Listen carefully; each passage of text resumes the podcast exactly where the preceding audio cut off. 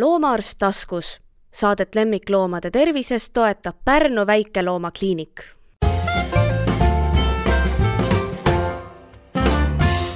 tervist, alustame selle hooaja viimast podcasti Loomaarst taskus.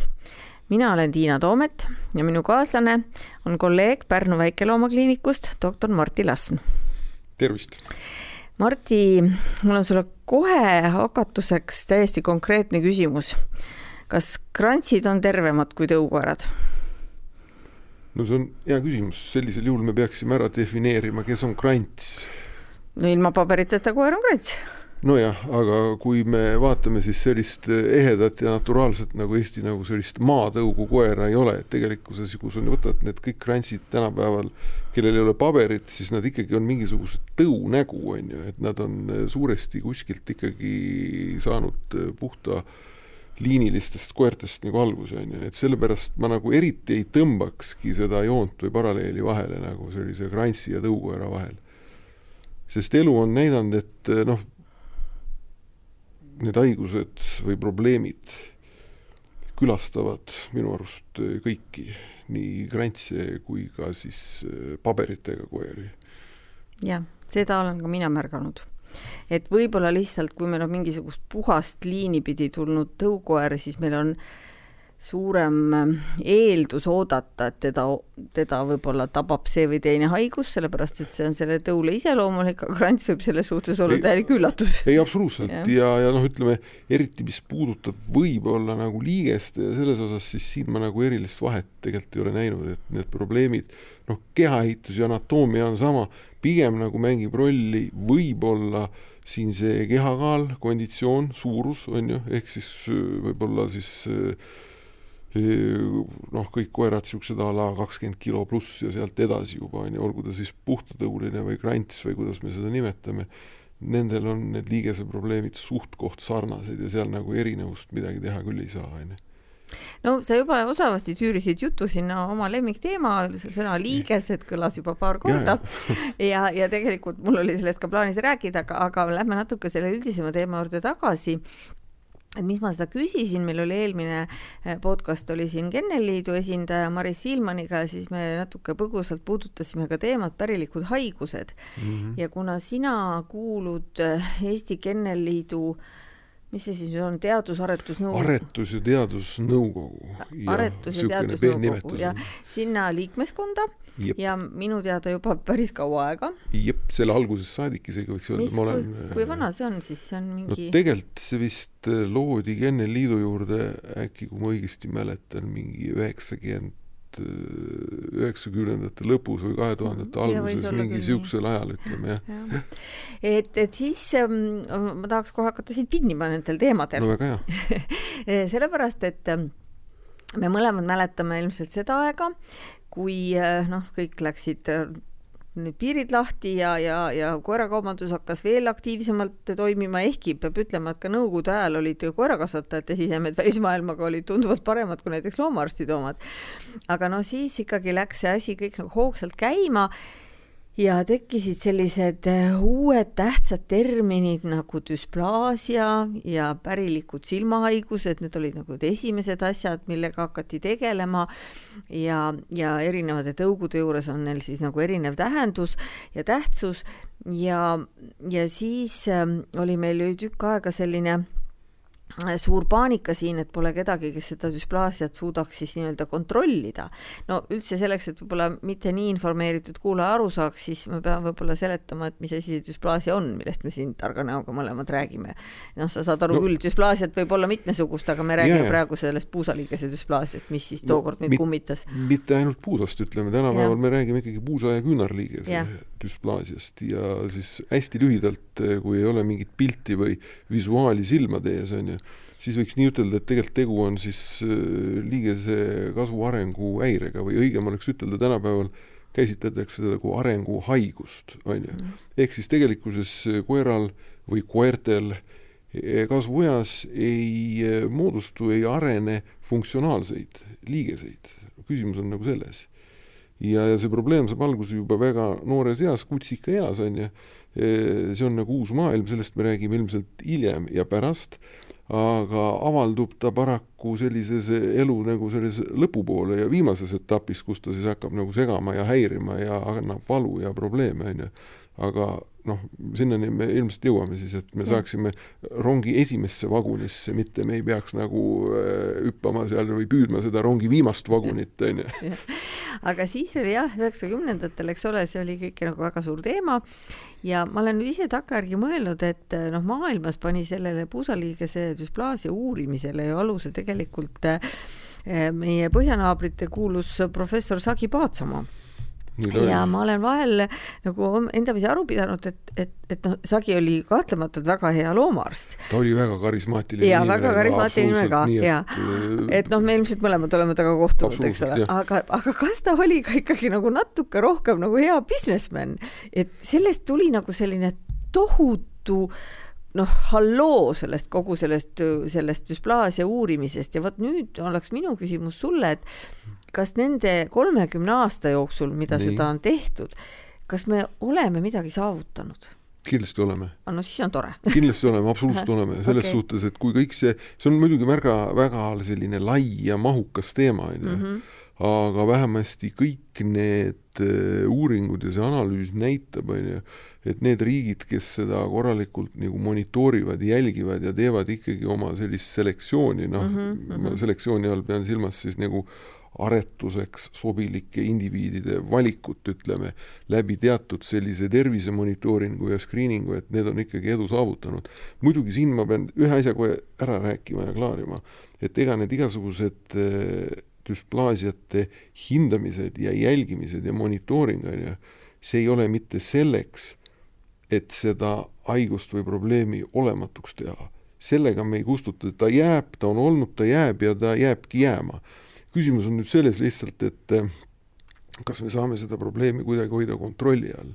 ehk siis, et eh, kui sul sünnib pesakond, on ju, et sul kümnest kutsikast okei okay,, ühel tuleb, areneb düsplaasia, see on täitsa okei okay,, ühel-kahel on ju, noh, midagi pole teha, on ju, lihtsalt halb õnn, halb juhus.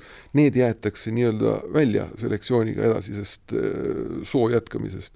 aga ei juhtuks sellist olukorda, kus sellest kümnest kutsikast kaheksal ja üheksal on see düsplaasia ja sa saad ainult ühe nigu panna soo jätkamiseks, noh, see on see point, ütleme, mille üle käib, noh, mis on nagu ennast tõestanud.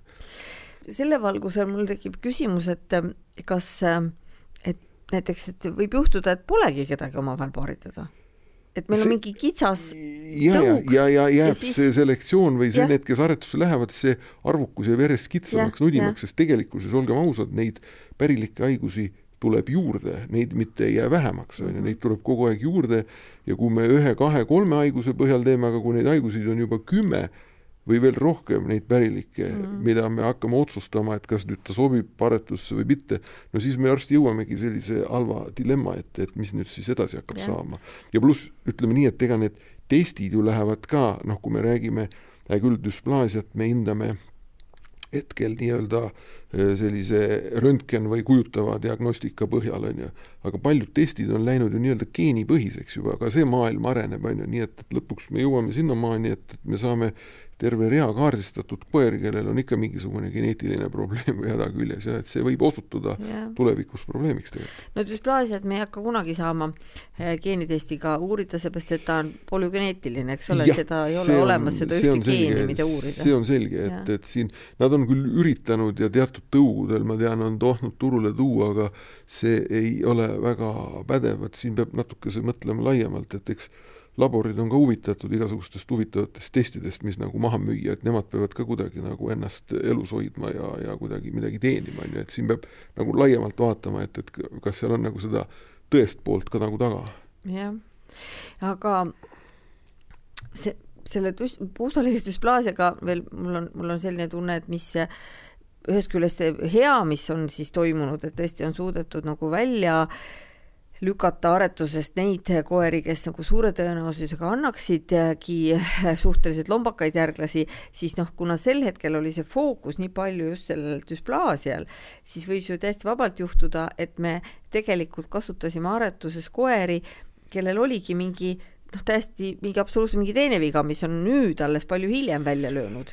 vaat siin on nüüd üks, mina ei ole ju ka selline selektsionist või geneetik või niisugune mm. populatsioonigeneetik, aga see küsimus on nagu nende pärusmaale, sest Eestis siiani ikkagi on tehtud seda selektsiooni või aretust nagu ühe mingisuguse näitaja või ühe haiguse baasil mm -hmm., noh, see on üks võimalik moodus mm, -hmm. aga tegelikkuses on nagu praegust maailmas, mis nagu ikkagi levib ja võtab tuure, on nii-öelda selline kompleksne koera või siis populatsiooni ja indiviidi kompleksne nii-öelda aretusväärtuse hindamine mis siis võtab juba kokku nagu oluliselt rohkem haigusi, sealhulgas ka nii-öelda eh, välimiku, iseloomu, käitumise, noh, ütleme, pluss siis ka need igasugused võimalikud teised, et muidu me ühel hetkel, kui me hakkame ainult kiivalt nagu ühe nii-öelda numbri või selle baasil tegema seda selektsiooni ja välja selekteerima, siis me jookseme ühel hetkel ummikusse paraku. no me jookseme üldiselt sinnasamasse ummikusse, millest me rääkisime eelmises saates Maris Siirmaniga, et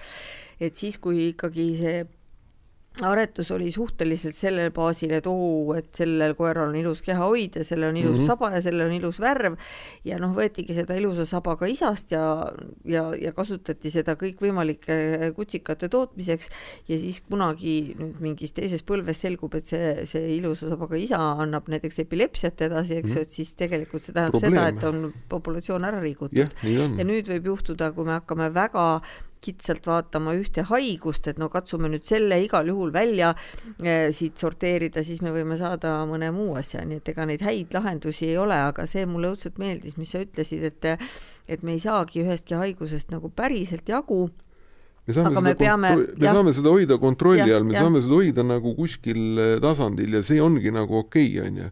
ja see on, ma arvan, ongi see eesmärk, on ju, ehk siis, et eh, noh, olematuks neid ei tee, on ju, see on nagu selge.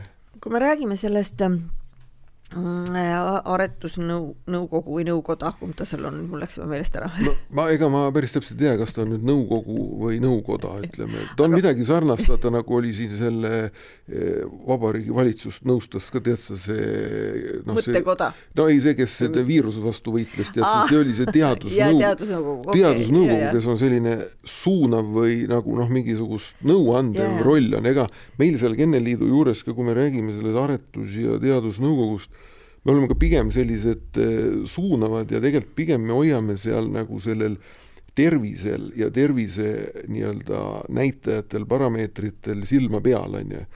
et kui natuke seda rääkida nagu täpsemalt ja laiemalt, siis eks iga see tõuühing ja tõuorganisatsioon teeb oma nii-öelda viieks aastaks oma sellised aretuseeskirjad, on ju, mhm. kus siis tegelikkuses pannakse sisse teatud uuringute nii-öelda kohustus, on ju ja siis viie aasta takka siis nagu vaadatakse üle, et mida, kui palju on uuritud, mis see tulemus on, on ju. ja siis tegelikkuses ka meie roll oleks siis või ongi see, et, et me siis vaatame üle, saame ütelda, et kuulge, hops, e, siin nüüd läks, e, see asi läheb teil käest ära, et vot siin tuleks nüüd panna nagu seda piirangut näiteks karmimaks sel perioodil, on ju, ja siin okei okay,, et on asi kontrolli all, noh, see on nagu see võib-olla see meie selline ülesanne ja roll seal, on ju. aga üks asi veel, mis ma tahan ütelda, et vaata, siin on ka see, et selleks, et, et teha nagu sellise tõu põhjal nagu analüüsi, on ju, see sõltub valimist, see sõltub sellest, mis koerad ja kui palju sinna andmebaasi on pandud ja keda on uuritud, vot siin on nüüd üks suur probleem, on ju, tegelikkuses ma arvan, mitte ainult Eesti jaoks, aga aga ka mujal riikides võib see olla, et tegelikult kuna need igasugused düsplaasia uuringud on ju avalikud ja eriti, kui su tulemus on kehv ja sa paned selle kehva tulemuse kuskil üles nagu sellisele äh, nii-öelda äh, sa oled nagu häbi, seinale, seinale, sa oled ja. nagu häbipostis mm., ütleme, ja kuna me teame, et konkurents on tohutult suur ja inimesed on väga noh, nagu eriti, mis puudutab äh, seda tõguaretust, on nagu suhteliselt karmid, on seal karm võitlus käib seal, on ju, et siis inimesed või, või paljud aretajad, ütleme, ei pane kõiki neid tulemusi, ehk me saame,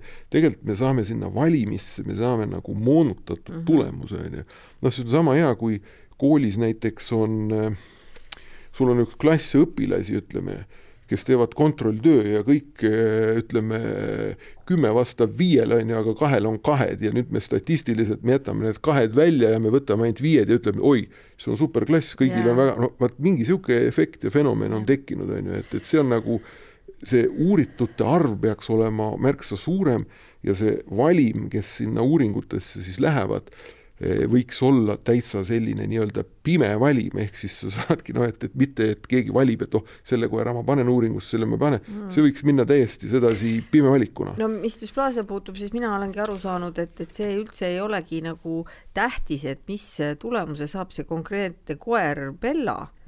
vaid olulisem on see, et, et mis tulemus oli Bella vanematel, vanavanematel ja tema õdedel-vendadel ja tema poolõdedel ja vendadel ja siis me saame nagu selle konkreetse liini no ütleme nii, et eh, selle kui me räägime aretusest ja, ja selle tegelikkuses väärtust ju hinnatakse pesakonna järgi mm -hmm,. noh, et kui ma panen ühe ema-isa kokku, siis ma ei tea, mida nad annavad, selle väärtust me saame järgnevate põlvede, ehk siis me just. saame takkajärgi hinnata seda ja. tulemust, kas see oli okei okay või ei olnud, on ju. kui ei olnud okei okay,, siis me peame midagi ümber tegema, muutma, mõtlema, et mis tuleb nagu vahe, muutma, et see ongi nagu häda, et ja. me, kuigi tegelikult on eh, võimalik arvutada ette välja ka oodatav või planeeritav nii-öelda see aretusväärtus, mida me soovime sellest pesakonnast saada ja selle alusel teha nagu isendid, kes nagu lähevad, see on nüüd järgmine level. aga kas see, kas sa selle jaoks, et seda arutada, ei peaks ikkagi väga täpselt teadma, mis sinna eelnevates põlvedes oli?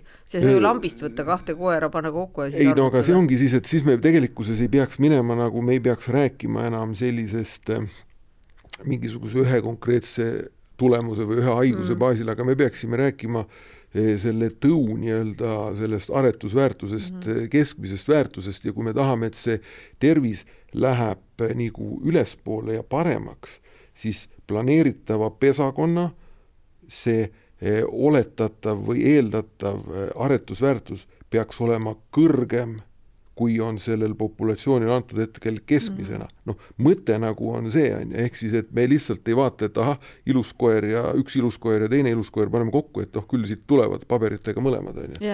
et noh, see ongi see, et, et me peaksime nagu rohkem seda teadust ja teadmist tooma sinna oli, oli aretusse sisse. suur viga ju oli ka see, et paljud arvasid, et, et kui kui mu koer ei ole nagu ideaalsete puusadega, et ta on võib-olla pigem kehvekas ja poolsem, aga kui see teine, tema partner on mm -hmm. nagu mhm. super, et siis kokku annab enam-vähem okei okay,. siit ma olen alati küsinud, see on ka üks teema, millega me seal nagu vaidleme aretajatega, et kui sa paned ühe hea puusa kokku ja halva puusa, siis mida sa teed, kas sa aretad nagu halba äh, paremaks või parem sa aretad nagu head halvemaks. mida sa nüüd teed, on ju, mis sul on see eesmärk, mis kas, sa soovid saavutada? kas klaas on pooltühi või klaas on pooltäis? Ja, ja see on ikkagi väga-väga keeruline maailm.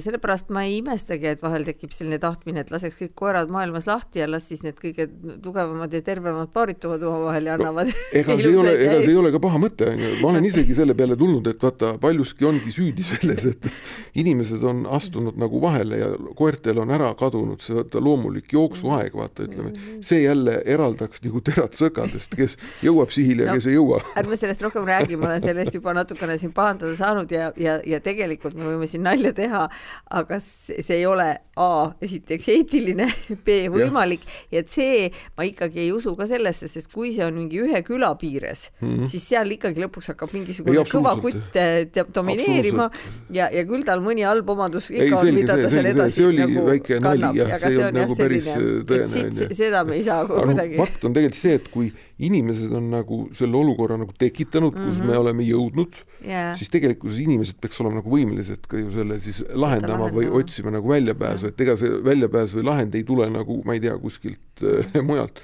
see peab ikkagi olema meie kätes, on ju, ja see on ikkagi see äh, ütleme siis aretajad, loomaarstid, teadmine, geneetika, no ütleme tegelikult see nii-öelda teaduspõhine nagu või selline mõtlemine ja lähenemine, see võiks olla see lahend või väljund. no enne kui me läheme uuesti tagasi sinu lemmikteemade juurde, siis räägime sellest pärilikest haigustest natuke laiemalt ka, et et justkui sa mainisid siin, et inimene peaks suutma selle nüüd ise kuidagi jälle parema, paremuse poole pöörata, et mõnedel juhtudel ma olen aru saanud, et see on nagu juba peaaegu võimatu, võimatu. et, et ma olen nüüd just lugenud neid mingisuguseid teadusartikleid nende ösuninaliste osade tõugude kohta, noh, kes mulle isiklikult õudselt meeldivad, mul on endal olnud bokser ja Boston Terrier ja ma väga armastan seda, neid tõuge ja mulle mopsid näiteks väga meeldivad. aga seal on juba mõned teadusuuringud näitavad, et see nii-öelda see alumine baas on nii kitsas mm, -hmm. et, et sa võid küll valida neid pikema ninaga isendeid, aga et kas need järglased kas nad ka tulevad, et jah, et see on selline selline kahtlane lugu ja see on muidugi nüüd jälle, kui mõelda, kuidas me oleme tegelenud tõesti nagu selle düsplaasiaga ja noh, siis hakati Dobermannidel maksahaigusi uurima ja ja noh, paljude tõugude silmahaigused on olnud väga vajalikud ja, ja tehakse neid yeah. kuulmisteste ja kõiki asju ja, ja see, see, et osad koerad ei saa hingata see jõudis nagu ka isegi loomaarstide teadvusesse nagu nii hilja, et ma ise tunnistan, et ma nagu ei olnud, no mulle tundus, et see tõug ongi selline ja ta natuke nagu nohiseb ja nohiseb ja hinge, hingeldama ja lörisema ja, ja vahepeal ja. nagu minestama. ei, minestamine juba tundub mine... natuke ah,, okay, natuke kahtlane aga noh, siiski ma ütlen, et aga noh, ega see... praeguski on ju paljud sellised on, vaat nüüd tuleb jälle suvi ja see kuum aeg on ju, ja, ja noh, ongi, et kas need inglased või prantslased või osad ongi ju sellised, et sa ei saagi teda niisuguse ilmaga väljas jalutamas käia, sa peadki hoidma teda kuskil jahedas keldris, sest tegelikkuses on tal hing kinni, ta ei, lihtsalt ei saa hingata, kuna tal on selline stenoos või kitsenemine hingamisteedes on ju noh. On probleem jah jah, muidugi sel... siin sedasi väikse kõrvalpõikena vaata võiks ütelda ka veterinaarmeditsiinile võiks väikse sellise visata sinna kapsaaeda ka väikse kivi vaata onju. noh, kuna meditsiin on ka nagu arenenud, oled sa nõus sellega? no ikka on jah. oled nõus, isegi, et isegi veterinaarmeditsiin on, on arenenud, oled nõus sellega?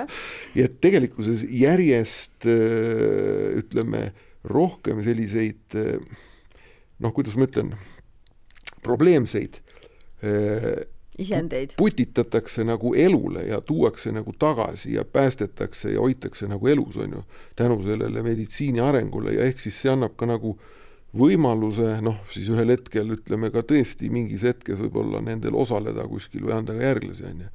noh, see on ka üks point, on ju no selle koha pealt ma arvan niimoodi, et kui see on nüüd juba kellegi inimese armas lemmikloom, siis igal juhul teda tuleb putitada ja päästa elule.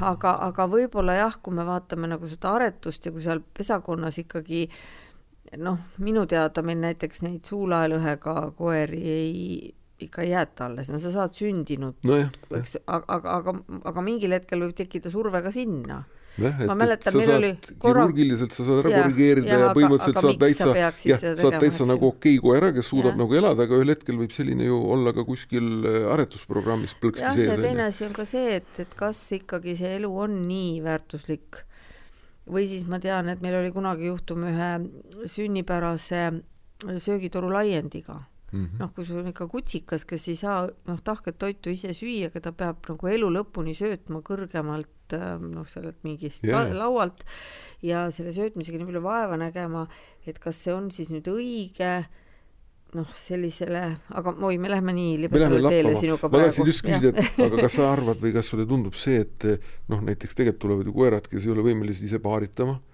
ilma ja, inimese abita, nad ei ole võimelised ise sünnitama ilma ja. inimese abita, kas see on siis nagu okei okay või? noh, ei, ei, ma arvan, et ei ole, ma arvan, et ei ole, et see, see on küll asi, kuhu peaks katsuma tagasi pöörduda, et ikkagi nad sünnitaksid kõike ise. aga noh, see on juba reaalsus ja see, see, see levib üha rohkem, ütleme, et äh, tegelikult ja. Äh, see, sellest see saab ühel hetkel probleem, et tegelikult teatud tõud, et nad üleüldse oleks, ütleme enam nagu ilma inimkäeta nagu põhimõtteliselt äh, noh, nad ei saagi nagu elule, on ju. see on küll nii, et, et tegelikult noh, ehkki ma jälle ei ütle, et sellega me peaksime nüüd täna ütlema, et nüüd kõik enam ükski koer ei saa keisrilõiget, et aga kui see on nagu tõesti noh, sellele tõule nagu võimatu ma nüüd ei tea, kas mõni inglane ikka sünnitab ise äkki ka või? minu meelest neid ikka on olnud. No loodame, et jah, jah, vähemalt. Noh, umbes tõesti jälle tõunata mulle meeldib, nad on ju toredad koerad, ega nad ja. on ju vahvad, et kuidagi me oleme sinnamaani nüüd jõudnud, sest vaevalt, et nüüd sada aastat tagasi nad kõik eeslõikega ilmale tulid, seda ma küll ei usu nojah, aga ilmselt äh, ma kujutan ette, et äh, kui sa võrdled äh, koerte arvukust sada aastat tagasi, kui palju tõukoeri oli mm. ja kui palju sa võrdled, milline populaarsus ja milline on see praegune arvukus tõukoerte oma, noh siis see on nagu meeletu vahe. ja noh, sealt tulebki nagu nende pärilike haiguste nii kandvus ja levimus on ju kuule, me oleme juba täiesti märkamatult siin üle poole ajast, ei läbi ei ole, me saame veel rääkida, sest mul lihtsalt sain aru, et see viimane vagun on meil nüüd veel läbimata, kus me pidime yeah. natuke rääkima sellest, sellest ilmselt sellest düsplaasia uurimisest ja, ja sellest asjast lähemalt no.. et, et see on, see, see ei ole niisama lihtne, et teeme ühe röntgenpildi ja kõik on selge, eks ole ju no,. tegelikult kus või kuhu on nagu praegust kogu, kui me räägime liigestest, me räägime pärilikest äh, liigese haigustest või liigese probleemidest, milleks siis on, ütleme, puusaliigese düsplaasia on üks suur peavalu, on ju, pluss tegelikkuses mitte väiksem peavalu ja probleem ei ole erialaselt ja ka koertele on see suur probleem, on küünarliigese düsplaasia, on ju. ehk siis tegelikkuses kui sa mõtled, eh, kui detailidesse me võime minna? ärme väga detailidesse lähe, esiteks meil pole aega, et ah, inimesed okay. ei jaksa kuulata. inimesed ei viitsi kuulata, jaa, okei okay. kui sa lähed väga detailseks veterinaarias. ei no põhimõtteliselt ma tahtsin lihtsalt öelda seda, et eh, kui kogu koera sellest kehakaalust eh, kuuskümmend on esimestel jalgadel, kuuskümmend prossa on ju, mhm. siis esimesed on ikkagi suurem probleem ja saavad suurema koormuse osaliseks. ja nelikümmend on tagumistel, on ju, aga kui puus on kehva, ehk siis kui sul on puusaliigese düsplaasia, siis ta viib omal seda keharaskust veel rohkem esimestele, nii et sul on siis esijalgadel on nii-öelda juba vaata seitsekümmend või kaheksakümmend protsenti sellest keharaskusest, noh et see on juba nagu probleem, on ju aga mikspärast Sagi Paatsamaa alustas puusaliigesest, kas see oli kuidagi nähtavam siis või? No eks see teadmine ja teadus on nagu palju arenenud mm -hmm. edasi, on ju, ja ma arvan, et äh, see teadmine, kuhu nagu praegust on selle puusa ja küünarliigese kirjeldusega välja jõutud, on mõnevõrra erinev, mis oli kolmkümmend aastat tagasi. kuigi ma pean kohe ütlema, et ega lõpuni ei teata praeguseni seda, mis see puusa, see nii-öelda äh, erinevad hüpoteesid on, miks ta tekib, kuidas ta tekib, aga ühest seisukohta nagu ei ole maailma teadlastel ka. ja küünarliigesega on sama lugu, et teatud maani sa saad nagu asjad ära teha ja ära vaadata, hinnata ja siis on, kõikidel on käed laiali ja ütlevad, et aga edasi ei tea, miks see juhtub, miks see on nii ja, ja mis see probleem on, on ju. nii et eh, seal on veel teadmatust, on ka selles valdkonnas. seal ei olnud ju ainult, ei ole pärilikkus, seal on ju hästi palju, sõltub ka sellest, et kuidas seda looma söödetakse ja kuidas ta liigub, eks ole ju. no nagu väitsid saksa teadlased, siis puusaliigese puhul ikkagi nad julgevad ütelda et, et üheksakümmend protsenti on pärilikkust. ja paned sinna viis protsenti, paned siis igasuguste muude väliste toitmispidamine, mis iganes. siin on hästi huvitav selline arusaamine on, et võib-olla sa oled ka kohanud, on see, et kui koeral on kõik okei okay ja hästi, on ju, näeb hea välja, on terve, kõik on korras, on ju siis see on pärilik, see peab olema pärilik, seda peab edasi andma. ja kui nüüd koeral ei ole kõik kehaehituses hästi või ei ole nagu okei okay,, aga siis see ei saa olla pärilik, see peab olema kas toitmine, pidamine või mingi välis, mingi muu tegur onju. et siin on nagu selline hästi huvitav nagu selline moonutatud arusaamine on sellest, et kas sul on okei okay kõik või ei ole. aga kui palju siis peab kartma ikkagi seda, noh, ma olen küll olnud hästi ettevaatlik selles suhtes, et kui on ikkagi kiiresti kasvav tõug, noh tõesti mingisugune Newfa või Bernhardiin, ka miski mitte labrador, et sa ikkagi ei toida teda noh, kuidas ma ütlen, üle, eks Just, ole. see on oluline. see on ju tähtis. see on oluline. mis ongi nagu kutsikale tegelikult on oluline, on see, et ta peab saama liikuda, käia mm. -hmm. ehk siis on tegelikult teaduslikult või on tõendatud näiteks, et sellised kevadised pesakonnad, kes saavad suvel palju muru peal ja liikuda ja käia, ütleme, on oma liigeste poolest, puusa poolest, on -hmm. nagu paremad kui sellised talvised, kes siis on, istuvad eh, kuskil rohkem kinni ja libedatel põrandatel, on ju. Mhm, esimesed kaks kuud on sellist õrna ellaaega, ütleme, siis nad ei peaks nagu väga rübelema ja libisema ja no, nii käima. palju, kui ta ise rübeleb, aga, aga ei. aga toit ja see ülekaal, noh, see on nagu number üks jah, teema ka selles, et, et see kehakaal on sest vanasti arvati, et kui on midagi jalgadega lahti, siis tuli anda kamaluga kaltsiumit juurde. ai jaa, õnneks vist, kuigi viimasel ajal isegi on tulnud, jällegi ma olen kuulnud, et söödetakse kaltsiumit juurde ja antakse mingisuguseid vigureid, aga siin on kindlalt kriips peal, ei mingisugust suukaudset kaltsiumit ega D-vitamiini, et sellega me saame pigem kahju kui kasu, et sellest peaks nagu, see peaks meelde jääma. ja kas see, kas see võiks olla nagu sama seltskond siis, kes seda kaltsiumit tahab kamaluga anda, kes tassib kaheksandale elukuuni koera trepist üles ja alla? kaheksandani ei pea. nii, aga kuhumaani peab sinu meelest?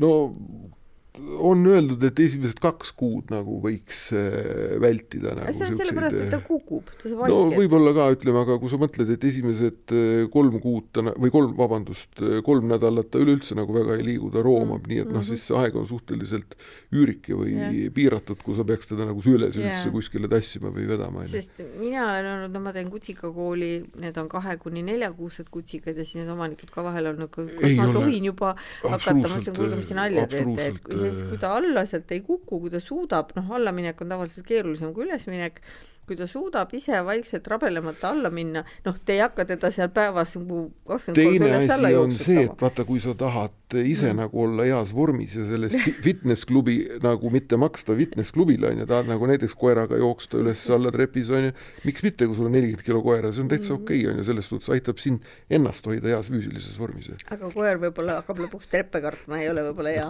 nojah, see oli nali nagu.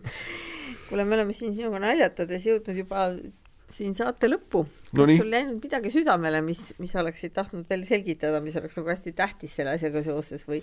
liigeste osas küll mul on jah, et eh, tegelikkuses ma tahaks nagu teatud sellist arusaamist või teatud lähenemist eh, kogu selle puusa küünarliigese düsplaasia osas nagu murda ja muuta, mis on nagu juurdunud, on ju, et siiani kuidagi on lähenetud ja arvatud sellest, et eh, puusa ja küünarliigese düsplaasiaga peaks justkui hakkama tegelema aastaselt, pooleteiseselt, kui tehakse need uuringud ära tegelikkuses selleks ajaks on juba õige aeg läinud või rong on läinud, on ju. ehk siis sellega me paneme tegelikult sisuliselt nagu lukku või fikseerime selles vanuses nagu hetke selle seisu, mis siis läheb nii-öelda sinna ametlikku statistikasse. tegelikult kui sa tahad, et sul äh, koeral oleksid äh, head liigesed ka vanemas eas, siis tegelikkuses neli ja neli pool elukuud on see, kus oleks mõistlik käia temaga läbi kliinikus, teha temaga üks puusa ja küünarliigese uuring ja vot see on nagu see koht, see on nii-öelda selle rongi esimene vagun, et kus me saame hilisemaid jamasid nagu palju ära hoida, on ju. sest noh, ütleme nii, et eh, see on, eh, see puusa teema on peavalu ja on suur probleem, on ju. sest noh, ütleme alates aastaselt sul kõige parem ja ideaalsem lahendus on puusaliigese protees, on ju mida Eestis siiani mida Eestis siiani ei panta mm, -hmm. aga selle maksumus on ka selline, et see on nagu a la mingisugune viis kuni seitse tuhat eurot ja kui sa pead mõlemad puusad ära vahetama, siis see on päris suur väljaminek, aga ise, ma olen juba hiljaks jäänud, mu koer saab kuuekuuseks. no nii, viimane aeg on tegelikkuses, et hinnata seda seisu. aga vaatad areng... ja hindad ja ütled, on halb, mis siis saab, mis sa siis teed? no selle võib-olla läheb väga detailidesse juba, aga siis põhimõtteliselt eh, ma ütlen, et see praegune see veterinaarmeditsiin ja ortopeedia on nõnda palju edasi läinud ja arenenud, et on olemas nagu teatud äh, tehnikad, teatud nii-öelda no kirurgiline tehnika siis ma saan põhimõtteliselt mm, -hmm. sest ega ja. Äh, üks niisugune väär arusaamine on veel, et ma tean, kui palju söödetakse sisse suu kaudu kõiksuguseid toidulisandeid, mis iganes, ütleme, mis aitab, pannakse toitude sisse, annakse veel juurde tablette siis äh, noh, mina olen nagu seda meelt, et äh, peaks olema ikkagi jääma nagu mõistuse piire ja mõtlema selle peale, et tegu on sellise äh, biomehaanilise probleemiga, on ju, ehk siis et üks Äh, tablett või mingi toidulisand ei muuda sul äh, luutelge, ta ei muuda sul kuidagi liigesepinna nurka, ta mitte midagi sellist ta ei tee, on ju, noh, ehk siis tegelikkuses need enamus neid probleeme, haigused on sellest liigese nii-öelda valest või mitte sobivast asetusest, on ju, ehk siis meie eesmärk on nagu suunata seda kasvu arengut sinnas suunas, et areneks funktsionaalne liiges, on ju, ja seda probleem ei ole keemias, vaid füüsikas. absoluutselt mm, -hmm. enamasti on ta, või ütleme siis nagu biofüüsikas mm -hmm. ehk siis nii, kuidas see toimub, et selles on nagu see probleem, on ju. noh, samas toidulisanditega, eks humaanmeditsiinis on ju sama lugu, et need glükoosamiinid ja ja, ja mis see on, kondroitiin ja, ja noh, nad on vist ka nii ja naa tõestust no, leidnud. ega aga, ei ole niisugust head tõenduspõhisust seal taga selle, ei ole. kui kedagi aitab, siis ega ta halba ka ei tee. usk aitab, vaata no,, inim, inimesi aitab usk ja, ja halba ei tee, seda ei ole ka keegi suutnud tõesti tõestada, et ta nüüd nagu midagi ära rikuks, onju. nii et selles mõttes noh, ei, ei näe probleemi okay,, ma arvan eh, hakkab läbi saama meie saade. ongi nii või? tegelikult võiks ju veel rääkida. võiks rääkida, aga ma võin kohe anda sulle selleks võimaluse kui me sügisel uuesti alustame, sest praegu me läheme nüüd väikesele palava ilma pausile no. ja tuletan kõikidele koera ja miks ka mitte kassiomanikele meelde, et palun ärge jätke oma loomi palava päevaga kuuma autosse yeah. ja üldse palaval ilmaga ärge tassige neid igale poole kaasa, jalutuskäigud hommikul ja õhtul. mina tahan ka ütelda, vot ma olen Pärnu mees, Pärnus on randa palju ja, ja inimesed ja ma ikka käin suviti rannas ja no ma ei saa aru, miks inimesed võtavad selle palava päikesega oma koerad randa mm. kaasa, nad arvavad, et neil justkui nagu hirmsasti meeldib seal kuumas palavas liivas ähkida ja kui sa vaatad, siis neil on keeled ripakil mm., ütleme, ja neil on noh, neil on tegelikkuses piim, piin yeah., et see ülekuumenemise oht on, on täitsa suur. tõsine yeah. ja suur, et tegelikkuses igal pool ei pea olema neid onju. viime ujuma hommikul vara ja õhtul hilja. absoluutselt, eks ole. et see oleks meie sõnum nüüd siis sellest tänasest saatest ja siis tekkis mul selline väike mõte, et kui teil vahetevahel suvel on vihmane ilm ja igav hakkab ja viitsite meie saateid äh, järelkuulata, äh, siis äh, saatke toimetusse Õhtulehe sinna, kus on need kommentaarid, omapoolne arvamus, et missugune saade teile kõige rohkem meeldis ja ka miks ka mitte mõni idee, mida te sooviksite järgmisest sügisest kuulama hakata. aga seniks ilusat suve kõikidele kuulajatele ja teie lemmikloomadele.